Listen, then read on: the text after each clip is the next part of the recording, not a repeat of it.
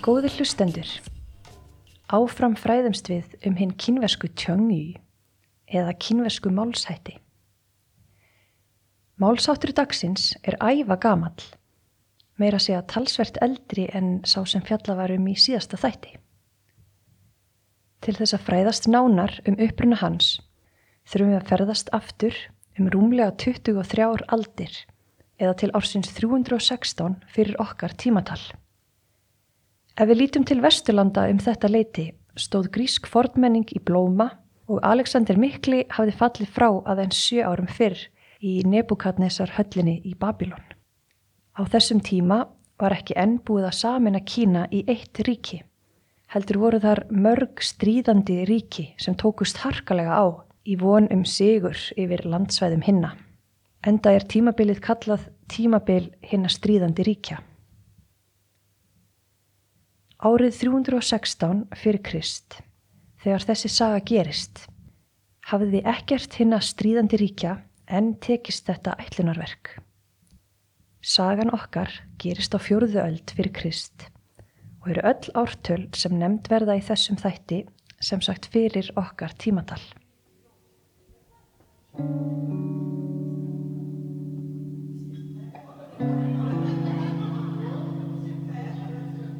Ég heiti Þorgerður Anna Björnsdóttir og þú ert að hlusta á hlaðvarpið í Östurvegi.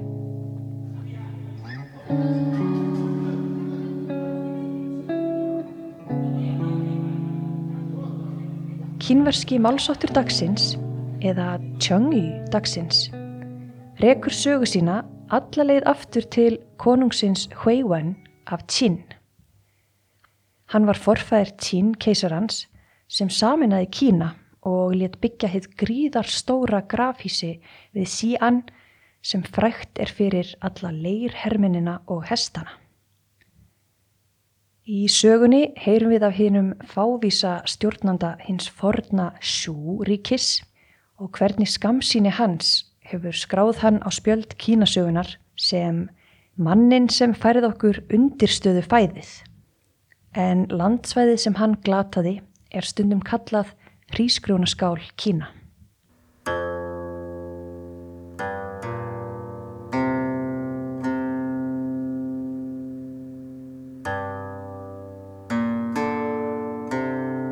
Tan Xiao Shi Da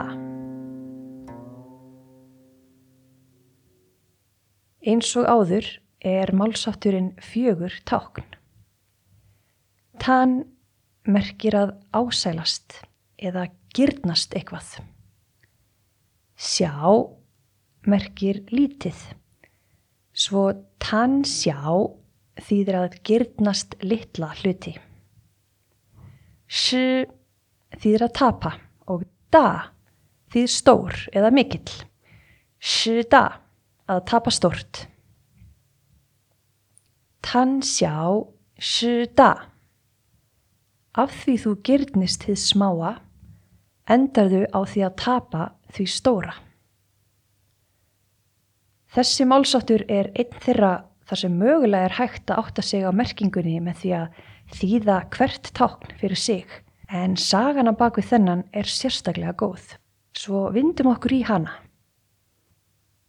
Ef þú þekkir til sögu tín ríkisins, hefur þið eftirvill heyrt af stórum áformum þeirra um að sigra hinn ímsu ríki sem lágu þeim til austurs. En áður en þeir lögðu í stórlagsana álítið þeir skinsamlegt að sigrast fyrst á smerri ríkjum til að stækka hersinn. Þá fengist líka aukið fjármagn í tín ríkisjóðin og þannig gætu þeir orðið nægilega sterkir til þess að ráða við hinn öflugri ríkin. Svo Huiwen, konungur og ráðgjafar hans ákveðu að þeir skildu byrja á tveim konungsríkjum til suðurs, Ba og Shu, þar sem í dag er Sichuan hérað. Það er vissulega bara þjóðsaga, en einn af ráðgjöfum Huiwens konungs lagði til að þeir myndu beita klækjum til þess að nýta sér græðki Shu höfðingjans, sem var veikur fyrir gulli, silfri og slíkum áþreifanlegum fjársjóðum og bara sem lítið innskott þá var þetta landsvæði Ba og Sú staðsetningin á hinnum dularfullu og fornu Sansingdui og Jinsha menningar samfélögum. Shu-ríki var svæðið sem umlikur borgina Chengdu og Ba-ríki var austar þar sem borgin Chongqing er í dag. Qin-ríkið sendi menn til þess að rannsaka hvernig þeir gætu komið nægilega stórum her þangað söður eftir til að sigrast á Shu konungsríkinu. Þeir komist á því að Qinling fjöllin væru of stór hindrun til að hægt væri að marsera þangað með her. Það var svo sem hægt að þræða leiðina fótgangandi en hendaði ekki þeirra stóru hernaðar áformum.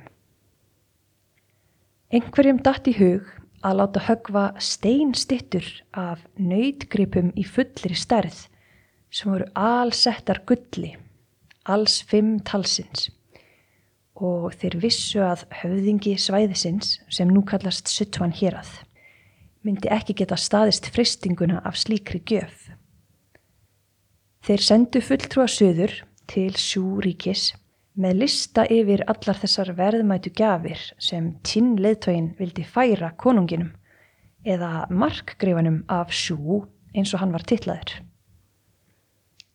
Hann sendi skjótt sína eigin útsendara norður til þess að líta á glæsilegu gafirnar og urðu þeir furðu losnir þegar þeir sáu að steinsnöytin voru sannarlega þakin gulli. Markgreifin af Sú átti ráðgjafa sem bjó yfir meiri visku og heilbreyðri skinnsemi en hann sjálfur gerði. Ráðgjafi þessi varaði yfirmann sinn við því að láta ekki glepjast af þessum gillibóðum. Hann hefur sennilega ekki hyrt af trójumönnum hér um bíl einni öld fyrr en það var svipuð hugmynd sem hann útskýrið fyrir sjú leiðtóanum.